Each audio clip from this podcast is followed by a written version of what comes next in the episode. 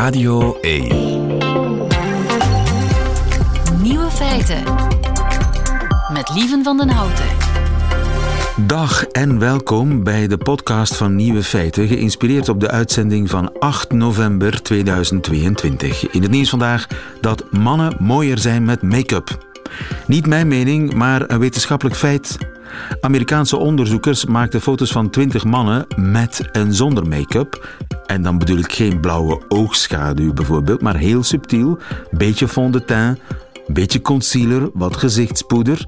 En daarna moesten 200 mensen, zowel mannen als vrouwen, zeggen welke man ze aantrekkelijker vonden: de man met of de man zonder poeder. En wat blijkt, zowel mannen als vrouwen vonden de gemaquilleerde mannen mooier. De make-up verbergt oneffenheden in de huid en accentueert de jukbeenderen van de mannen volgens de onderzoekers. Mannen met make-up zagen er daardoor jonger, gezonder, maar vooral mannelijker uit. Zeg dat maar aan de spelers van Anderlecht. De andere nieuwe feiten vandaag. Wil Verdi is dood, kleinkunstpionier en de allereerste BV die ooit uit de kast kwam. 11 miljoen Nederlanders sleuren Twitter voor de rechter. Elon Musk wil van Twitter de meest betrouwbare website maken, maar gooit er zelf fake news op. En in Nederland is er een nieuw wapen gevonden tegen kanker, namelijk apenkak. En dat is nog waar ook. De nieuwe feiten van professor Koen Lemmens, die hoort u in zijn middagjournaal. Veel plezier.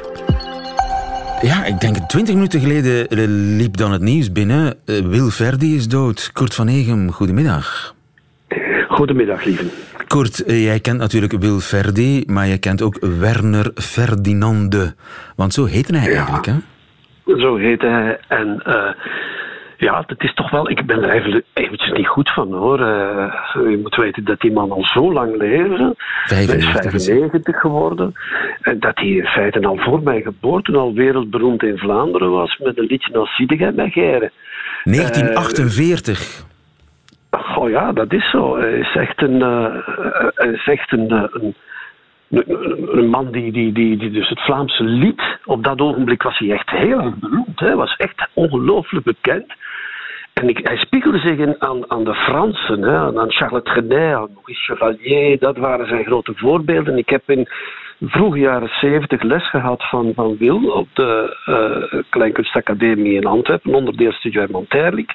Waar uh, dat was, ja, dat, dat was echt een, een, een icoon. En uh, het was ook in die periode dat het icoon toen op de televisie heeft verteld dat hij homoseksueel was, wat hem heel veel optredens heeft gekost. Hij werd net niet in de ban van de kerk geslagen toen. En ik, Wil was voor mij altijd een man die. Het was altijd een beetje dubbel. hij, hij wilde zoveel. Hij wilde dat het mooi klonk. Hij wilde dat het prachtig was. Hij wilde zeer gevoelige zaken zingen. Hij wilde zichzelf zijn. Uh, dat kon de eerste 40, 50 jaar van zijn leven moeilijk. En hij heeft daar altijd, is altijd wel een beetje blijven onder lijden. En ja, die ervaring met de televisie in de 70, dat was een hele zware slag voor hem. Ja, het was een historisch moment in 1970. Laten we daar uh, naar een stukje van Wil Verdi in 1970 over zijn, zijn coming-out. Waarom ik het dan toch in het openbaar heb gezegd, dat is in de eerste plaats voor mezelf. Ik vind uh, dat het behoort tot de volledige zelfaanvaarding. Zonder zelfaanvaarding kan een homofiel niet gelukkig zijn en zeker niet in vrede leven met zichzelf, laat staan dus met zijn omgeving. Zijt je gelukkiger sinds dat je het gezegd hebt? Ja, absoluut. Ja, met een Gens, licht Gens accent, want hij was eigenlijk licht Gentenaar. accent, hij was een Gentenaar. Wil Verdi in 1970... Ik durf eraan te twijfelen hoor. Ik heb, ik heb toch het gevoel gehad, door Wil beter te leren kennen en nog later ook te leren kennen, dat het hem toch. Oh, het heeft hem toch heel veel pijn gedaan ook. Hij was op dat moment niet echt gelukkig. Maar hij wilde vrij zijn. Je moet rekening mee houden. Wil was een absolute katholiek tot het einde van zijn leven. Hè? En dat hij net door zijn uh, katholieke uh, mede, ja, gelovigen, dat geloofsgenoten. Ja, werd, werd, dat hij werkelijk werd uitgesloten al die tijd toen. Dat is echt gebeurd, dat kunnen we ons nu nauwelijks meer voorstellen. Oh, dat heeft hem heel wat gekost. Honderden optredens, echt waar. Want hij trad overal op. Hij was echt de meest beroemde zanger van ons land samen met, met Wiltura op dat moment. Dus kun je nagaan, dat was onvoorstelbaar voor hem. Jij was toen in 1970 nog een tiener. Weet jij daar nog ik van? Ik was 18 jaar. ik was 18 jaar en ik zat op, op, op het studio hier in Antwerpen. Ja. En ja... Dat was dat ook daar een bom? Oh nee, nee, dat was absoluut geen bom. Uh, het is ook gek, hè. Kijk, Wil, Wilfredi die heeft daar zeer zwaar op aangetorst. En kijk, tien jaar later, mijn eerste interview bij de Humo, heb ik gezegd van... Uh, hoe, hoe, dat het er, hoe dat het was, hoe dat het bij mij was. Het was zo simpel als het maar ja. kan zijn. Uh, je ziet, maar hij heeft wel, en dat is zo belangrijk, hij heeft op dat moment als allereerste een, een, een, ja, een berg verzet. Ja. Mag je zeggen. Hij heeft toen echt, maar, maar hij heeft, hem, heeft dat ook, ja, hij heeft dat ook, uh, zeg maar, terug als een boemerang in zijn gezicht gekregen. Ja, het was een, absolute, daarna, ja. een absolute heldendaad, zonder meer, in ja, 1970. Zonder meer, ja. Uh, zou hij daar spijt van gehad hebben? Oh, spijt niet, maar uh, het heeft hem wel pijn gedaan in het begin. Dat hij dus door zijn medegelovigen werd opzij gezet. En dat hij in al die parochiezalen niet meer kon optreden en zo. En de meeste zalen op dat ogenblik in Vlaanderen waren parochiezalen. Er waren geen andere. Ja. Maar Wil, kijk, hij heeft doorgezet. Hij is altijd blijven doorgaan. Ik vond, en hij is ook altijd blijven gaan voor kwaliteit. Hij vond het Nederlands belangrijk. Hij vond dat het mooie taal moest zijn. Hij vond dat die liedjes, enfin, de manier waarop dat hij ook is omgegaan met het werk van, van bijvoorbeeld Jacques Brel. Uh, ja, hij is dat blijven goed doen. Uh, in zijn opzicht is hij gegaan voor kwaliteit. En ik denk dat daar eigenlijk nog meer zelfs zijn belang zit. Ja. Hij heeft uh, de kleinkunst op de kaart gezet heeft de kleinkunst op de kaart gezet. Dat uh, dreigt vergeten te worden, om, omdat wij ja. hem nu zien vooral als een, als een ja. pionier, als een queer pionier, ja. zeg maar. Maar eigenlijk is hij een kleinkunstpionier. Uh, die voilà. ook, ik herinner mij ook zijn, zijn humor. Hij had een Peterke. Dat was zo'n typetje, hè? Dat Peterke, dat was echt een stand-up comedian avant la lettre. En, en hij was natuurlijk, maar met die liedjes, ik wil dat toch wel benadrukken, want vooraleer dat je het weet, wordt hij uh, straks begraven als, als alleen maar het icoon van de homoseksualiteit. Maar dat was niet alleen dat. Wil heeft schitterende, echt ronduit, schitterende teksten gemaakt, ja. schitterende vertolkingen gebracht. En is een voorbeeld geweest voor heel veel uh, ja, zowat voor heel die kleinkunstbeweging die na hem is gekomen. Ja. Zullen we Christine draaien, Kort? Wel, ik heb dat hier in, Oost, hier in Hoboken, waar ik woon, hebben doen wij om de twee jaar een groot concert. En ik heb voor Wil toen, hij woonde in Hoboken op dat moment, heb ik Christine laten arrangeren voor groot orkest. Dus jij kunt meezingen? Met strijkers en blazers. En hij was toen al diep in de tachtig. En toen heeft hij Christine gezongen. En hij was razend gelukkig, want hij had nog nooit zo'n schoon arrangement gekregen. Maar dat is toch wel een prachtig nummer. Uh, het is een prachtig nummer. De, eigenlijk was het voor Christian bedoeld, maar hij zong ja. Christine Wil Verdi. We zullen hem missen. Hij is 95 geworden. Kort van Egen. Dankjewel. Dag lieve. Goedemiddag. Graag gedaan. Wij hadden geen geluk, Christine. Want onze liefdesbanden, ze sprongen schrijnend stuk, Christine. We staan met lege handen. Maar nu is het te laat, Christine. Ik kan niet herbeginnen. Denk niet dat ik je haat, Christine. Maar ik ben te leeg van binnen. Vaarwel, Christine. Vaarwel, Christine. Vaarwel, Christine. Vaarwel, Wilverdi. Radio 1.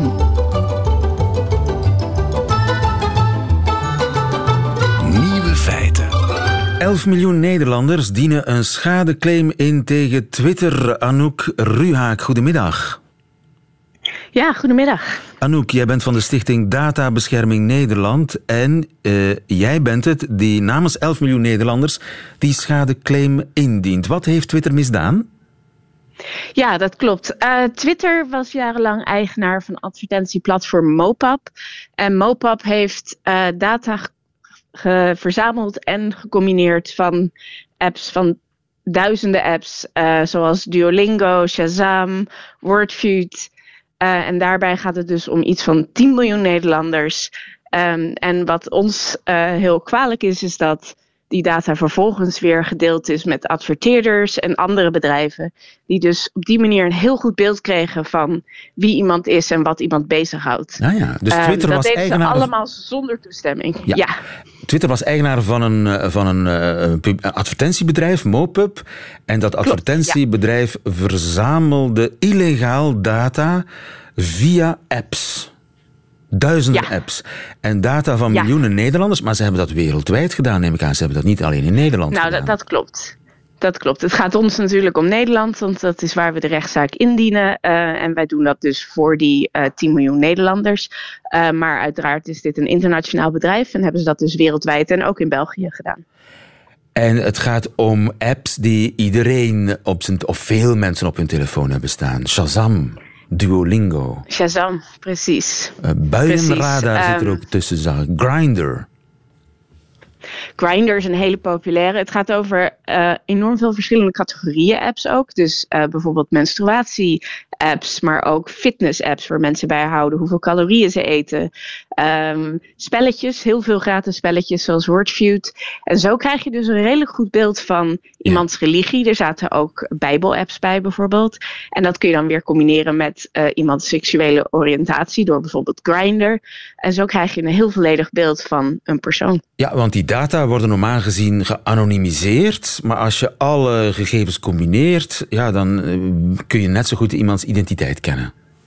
Nou, absoluut. Uh, we zeggen eigenlijk altijd als je drie datapunten van iemand hebt, kun je al, heb je al een vrij goede kans om te achterhalen wie die persoon is. Ja, maar als ik zo'n app download, dan geef ik toch meestal toestemming om ja, iets te delen, om mijn data uh, te delen met die app? Uh, soms wel, ja, dat klopt. Uh, maar dit gaat natuurlijk, je hebt natuurlijk de appbouwer zelf die jouw toestemming vraagt om uh, data te, de of te verzamelen. En die data is dan voornamelijk voor het functioneren van de app zelf. Uh, maar hier hebben we te maken met nog weer een ander platform, Mopap, uh, wat een stukje code toevoegt aan die app, maar niet direct een relatie heeft met de gebruiker. En dus niet zelf die gebruiker om toestemming vraagt. Oké. En dus zou het kunnen dat de appbouwer misschien wel die toestemming heeft gevraagd, maar Mopap heeft dat nooit gedaan. Juist. En wat is nu het ergste wat er... Ja, ik heb eh, een aantal van die apps heb ik ook op mijn telefoon staan. Wat is, wat is nu het ergste wat mij kan overkomen? Uh, nou, dat is inderdaad een goede vraag. Um, ik denk waar het probleem echt zit, is dat omdat je dus... Je hebt adverteerders die zo'n goed beeld hebben van wie je bent en wat je doet. Uh, dat ze jouw gedrag kunnen manipuleren. En wat mij betreft het ergste is dat je dat helemaal niet weet. Uh, wij noemen in onze campagne, je staat de koop.nl, bijvoorbeeld het voorbeeld van een vrouw die, um, die zwanger wil worden. En adverteerders komen daar bijvoorbeeld achter door informatie van haar menstruatie-app. Uh, en opeens krijgt ze geen vacatures meer te zien uh, voor specifieke banen. Dat zou zomaar kunnen. Uh, een ander voorbeeld is een jongere die misschien een negatief zelfbeeld heeft, misschien op fitness-apps calorieën bijhoudt en opeens advertenties krijgt voor hele strenge diëten. Uh, dat heeft natuurlijk nogal een impact. Dus, en je weet niet dat andere mensen die niet zien. Je weet niet dat jij specifiek getarget wordt, maar dat is wel zo. Ja, kan ik mij aansluiten bij de, want het is een soort uh, ja, klassikale claim, zeg maar, een groepsclaim. Uh, jullie Klopt, werken uiteraard ja. alleen voor Nederlanders. Ik, ik, moet, ik, ik moet het zelf doen als Belg. Helaas wel. Maar als je in het afgelopen, als je tussen 2013 en 2021 in Nederland hebt gewoond en in die tijd ook een iPhone of een Android-phone bezat, uh, dan kan je al meedoen. En sorry, ik zeg je, want ik ben Nederlands. Ja, ja, ja we zijn, laten, we, laten, we maar, uh, laten we maar jij en je zeggen. Um, dus de Belgen moeten zich nog... Uh, ja, wij, wij moeten ons ook organiseren, want uh, jullie dienen dus nu die gezamenlijke claim in. Hoe groot schat je de kans dat je die haalt? Tegen zo'n monster uh, nou, groot bedrijf? Ja. Elon Musk eigenlijk. Nou ja, het is inderdaad een groot bedrijf, uh, maar we hebben ons bewijs en um, ja, we hebben in principe zijn we er klaar voor. Um, en wat is gebeurd is wat ons betreft hartstikke illegaal. Dus we gaan ervan uit dat, hoewel het een lange weg is, uh, dat we zo'n zaak uiteindelijk gaan winnen. Uh, op dit moment zijn we nog bij stap 1. En dat is dat we Twitter een brief hebben gestuurd en hebben gezegd: luister, we hebben dit bewijs, er is iets ontzettend fout gegaan willen jullie om tafel uh, om dit uit te onderhandelen. Dus we wachten dat eerst nog even af. Ja, we wachten eerst de reactie daarop af. Uh, Anouk Ruhak, mag ik je succes wensen met je groepsclaim, je schadeclaim tegen Hartelijk Twitter. dank. Dank je ja. Goedemiddag. Nieuwe feiten. Goedemiddag overigens. Goedemiddag. Rine Emery, Hoi. want het stormt in de Twittosfeer. Mhm. Dat is nogal duidelijk. De rijkste man ter wereld, Elon Musk, heeft uh, Twitter gekocht en meteen drastische maatregelen genomen. Sindsdien gonst het van de geruchten op Twitter. Maar wat is daarvan waar? Daarvoor hebben we jou natuurlijk.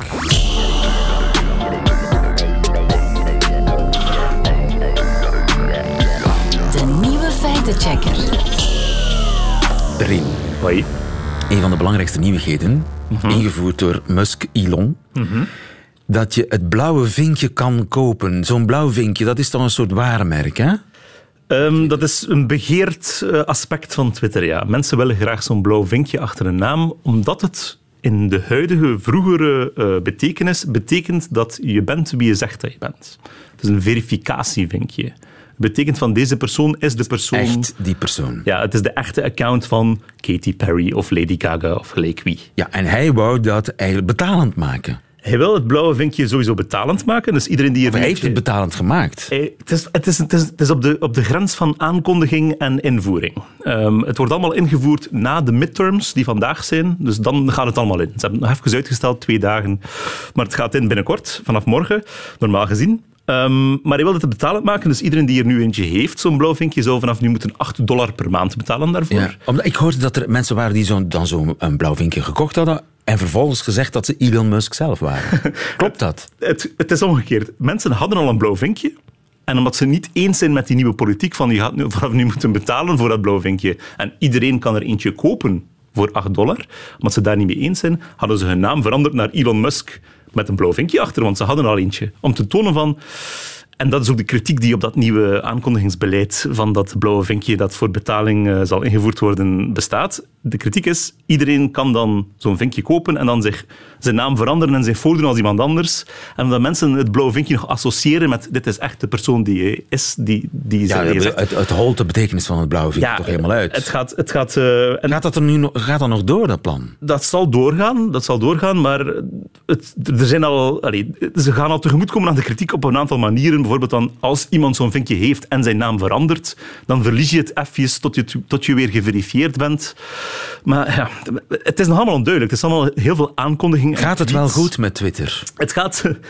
Het wordt momenteel zo een dumpster fire genoemd. Een vuilnisbak die in brand staat, waar iedereen naar staat te kijken. Omdat je, je, kan, je kan niet wegkijken ervan. Maar het gaat, het gaat niet zo goed met Twitter. Er zijn al heel veel mensen eraf gegooid, heb ik gehoord. Min of meer per ongeluk. Of was het wel per ongeluk? Of niet per ongeluk? Wel, dus bijvoorbeeld Kathy Griffin, een Amerikaanse actrice, had, was een van die mensen die haar naam had veranderd naar Elon Musk. Om te tonen om, als protest. Hè. Uh, en had een parodie-tweets verstuurd, maar niet duidelijk genoeg gelabeld. En volgens de regels van Twitter, als je je voordoet als iemand anders, word je ervan gegooid. En ze is dus haar account kwijtgespeeld daardoor. Mm -hmm. Maar anderzijds zijn er dan ook mensen die... Er wordt bijvoorbeeld beweerd dat Daniel Radcliffe, de acteur die Harry Potter speelt, dat hij ook van Twitter is gegooid.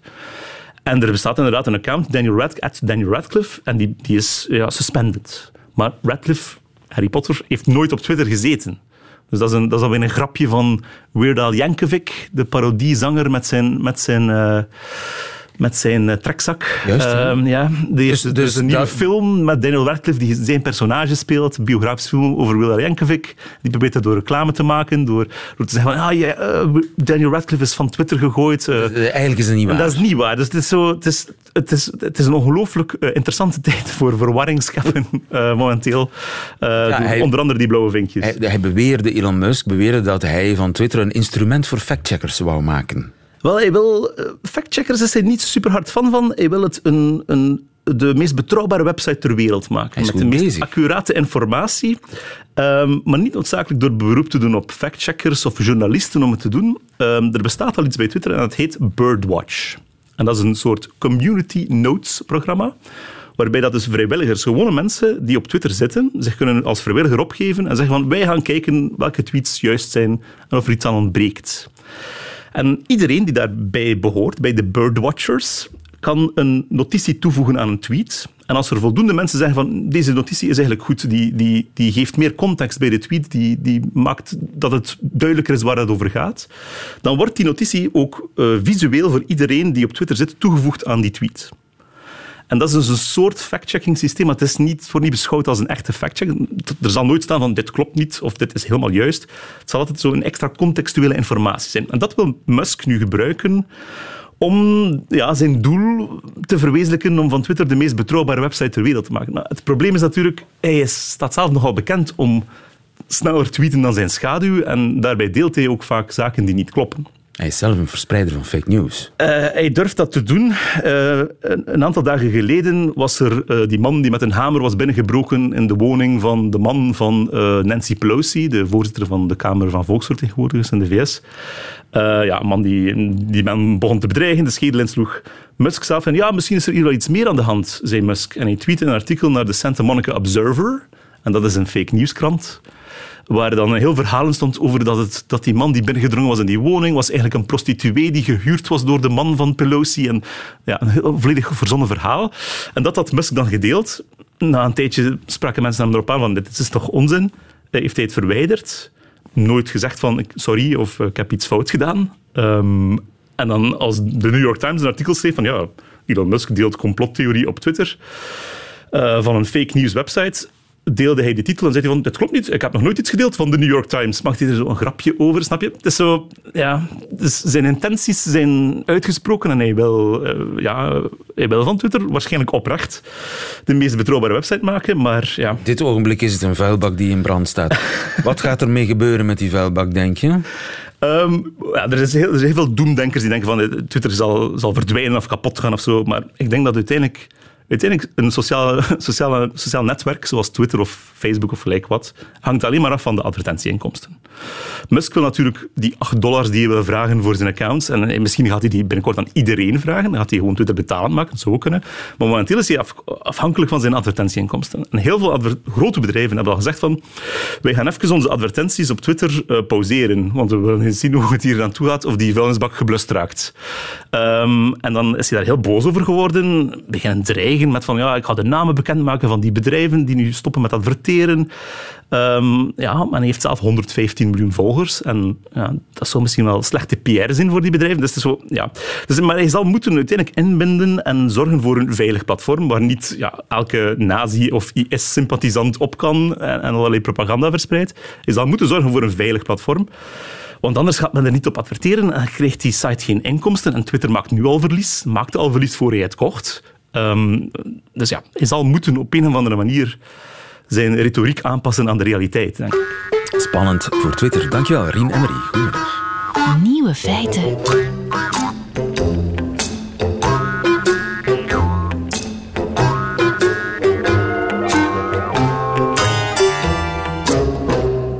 In Rotterdam wordt er gewerkt aan een nieuw wapen tegen kankervirussen. Uh, afkomstig uit, ik zal maar zeggen zoals het is, apenkak.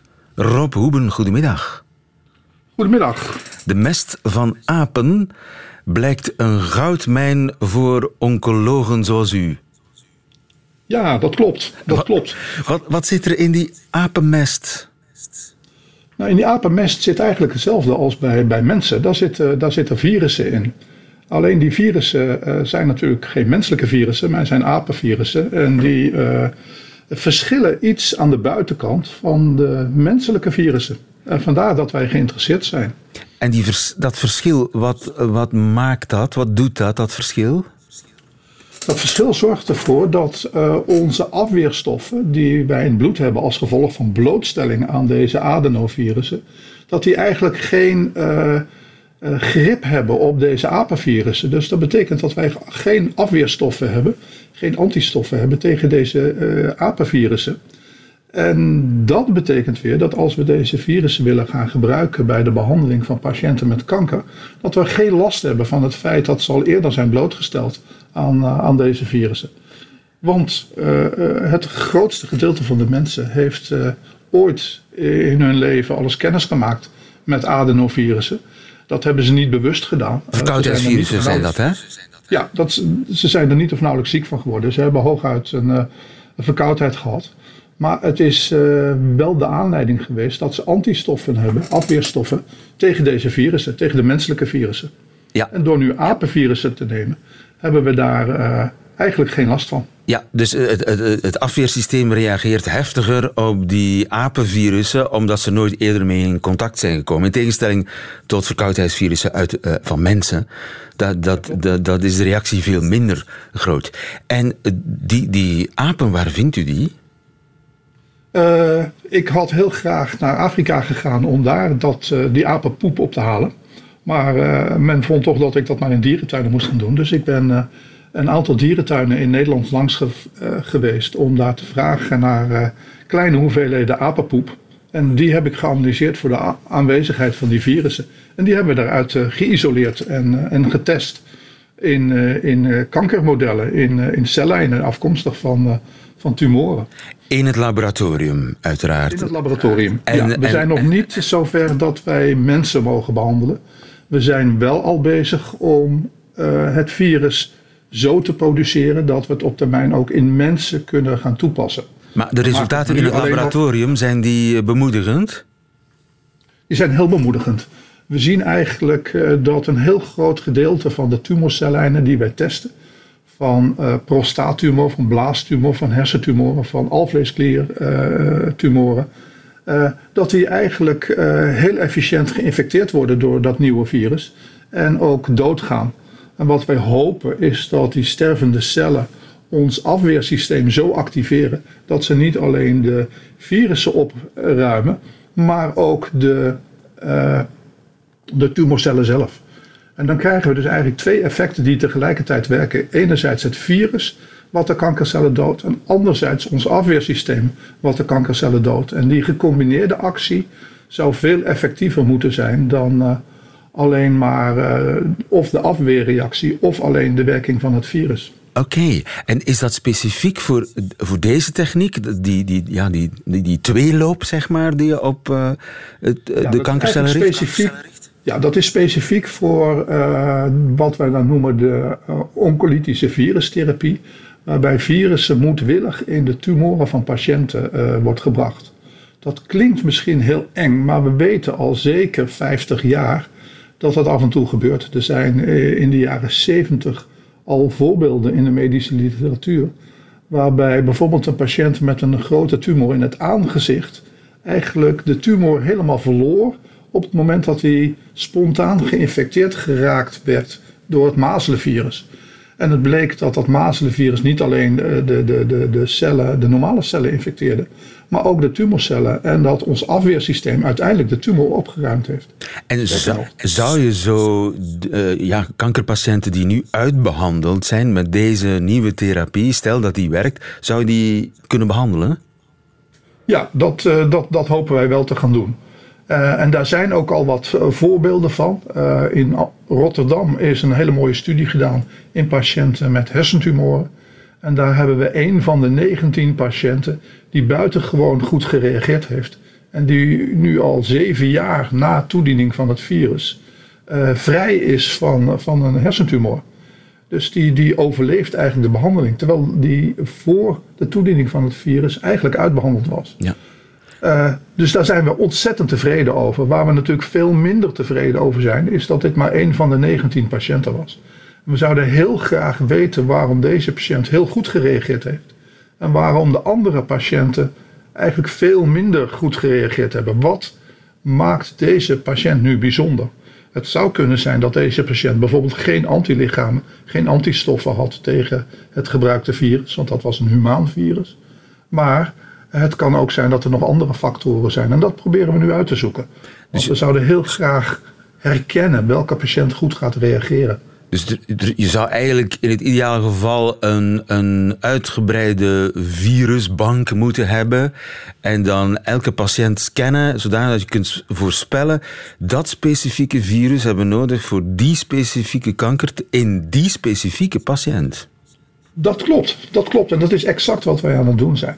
Nou is daar natuurlijk ook wel weer een moeilijkheid voor, want als wij die testen doen op dit moment, dan moet er een, een klein monster van de tumor genomen worden. Die cellen moeten in kweek gebracht worden. Die cellen moeten goed gaan groeien en dan kunnen we dat soort proeven doen. En dat kan wel twee tot drie maanden uh, duren. En zeker in patiënten met alvleesklierkanker of patiënten met hersenkanker hebben die patiënten de tijd eigenlijk niet. Dus waar wij nu naar op zoek zijn, is uh, merkers die ons in staat stellen om te herkennen uh, welke patiënt goed gaat reageren op welk virus. Ja. Veel sneller kunnen vaststellen wat je precies uh, moet gaan doen. Dus daar, daar zal nog wel tijd overheen gaan. Maar het zijn toch hoopgevende signalen uit Rotterdam. Ja, één kleine correctie overigens. ik werk in Leiden. Oh. En uh, wij werken heel nauw samen met Rotterdam en dat staat ook verkeerd in de Volkskrant. Oké. Okay. Maar afgezien daarvan. Uh, Bij deze is dat rechtgezet. Maar het is een Rotterdams-Leidense samenwerking. Absoluut, ja. Wij hebben een, een, consortium opgericht waar tien verschillende afdelingen in uh, samenwerken. En waarbij we eigenlijk alle expertise die we nodig hebben om dit onderzoek effectief te kunnen uitvoeren aanwezig is. Want het is duidelijk dat dit natuurlijk buitengewoon multidisciplinair onderzoek is. Waarbij we enerzijds basale onderzoekers, basale virologen zoals ik zelf. Maar anderzijds ook de medisch specialisten nodig hebben. Ja. En de mensen die verstand hebben om deze tumorcellen in kweek te brengen. Virologen en oncologen samen in de strijd tegen kanker. Rob Hoeben, mag ik je er heel veel succes mee wensen. Dankjewel en goedemiddag. Dankjewel, tot ziens. Nieuwe feiten. Radio 1. Een ziekte tegen een andere ziekte inzetten. Dat is dus de bedoeling waarmee u alle nieuwe feiten gehad heeft van deze 8 november. Behalve die in het leven van professor Koen Lemmens. Nieuwe feiten. Middagjournaal. Beste luisteraar. Bent u dat gezeur over Twitter en Mastodon ook zo beu? En dat geklaag over die social media? Weet u wat ik zo raar vind aan social media? Dat je mensen soms fysiek pas ontmoet nadat je ze al jaren digitaal kende. Meestal is dat trouwens een hartelijk treffen. Hoe kan het ook anders?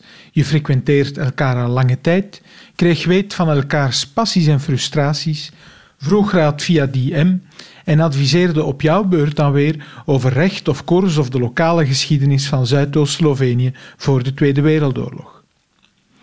Maar net zo goed is zo'n ontmoeting in levende lijven een ongemakkelijke affaire. Hier ze, de dienstwillige ze. Dienstwillige is mijn Twitter-handle. Ha, daar. En dan volgt de Twitter-vocatief van de aangesprokenen. Ja, ja. Veel volk, hè. Zeg dat wel. Dat is met corona, hè. De mensen komen al eens graag buiten. En profijtelijk, s'avonds uit, moet je thuis niet stoken, hè. Man, man, man, man, man, je zegt al zoiets. En wat gaat het nog allemaal worden? We weten het niet, hè. Het is dat, hè. Zeg, drinkt je nog iets? Nee, nee, nee, nee, nee, nee. Ik moet nog rijden. En als het controle is, ja, dan is er niks te protocollen. Allee dan, jawel. Salut, hè. Tot op Twitter zeker. Je hoort sociologen wel eens zeggen dat dit een nieuw fenomeen is. Familiariteit met onbekenden. Maar je hoort sociologen zoveel zeggen. Is het echt zo nieuw? Hadden we vroeger niet de bekende brievenschrijvers naar de kranten? Mensen die je van haar nog pluim kende, maar van wie je op den duur wel verduiveld goed wist wat ze zouden vinden van de rel van de dag. Dat las je dan de volgende dag, in hun ingezonden lezersbrief. Bij het laatste nieuws, vaak met meegestuurde 50 frank voor kindergeluk. In het dorp waar ik opgroeide, hadden we zo'n mythische correspondent van Humo. Terwijl wij aanmächtig probeerden in de uitlaatrubriek te geraken, stond hij er zo goed als wekelijks in, met grappige, dadaïstische en absurde overpeinzingen en poëzie. Vaak vergezeld van een reactie van de uitlaatcommentator. Voor de pubers die we waren, een indrukwekkender ereteken dan het Légion d'honneur. Ik kan me niet herinneren de man ooit ontmoet te hebben. Van hem onthoud ik wel nog altijd het statement: als het keteltje niet meer fluit, is het vogeltje eruit. Beste luisteraar, vergeet Jack Dorsey, vergeet Elon Musk. De echte bedenker van Twitter is Eddie Wolfs, dichter uit Tremelo.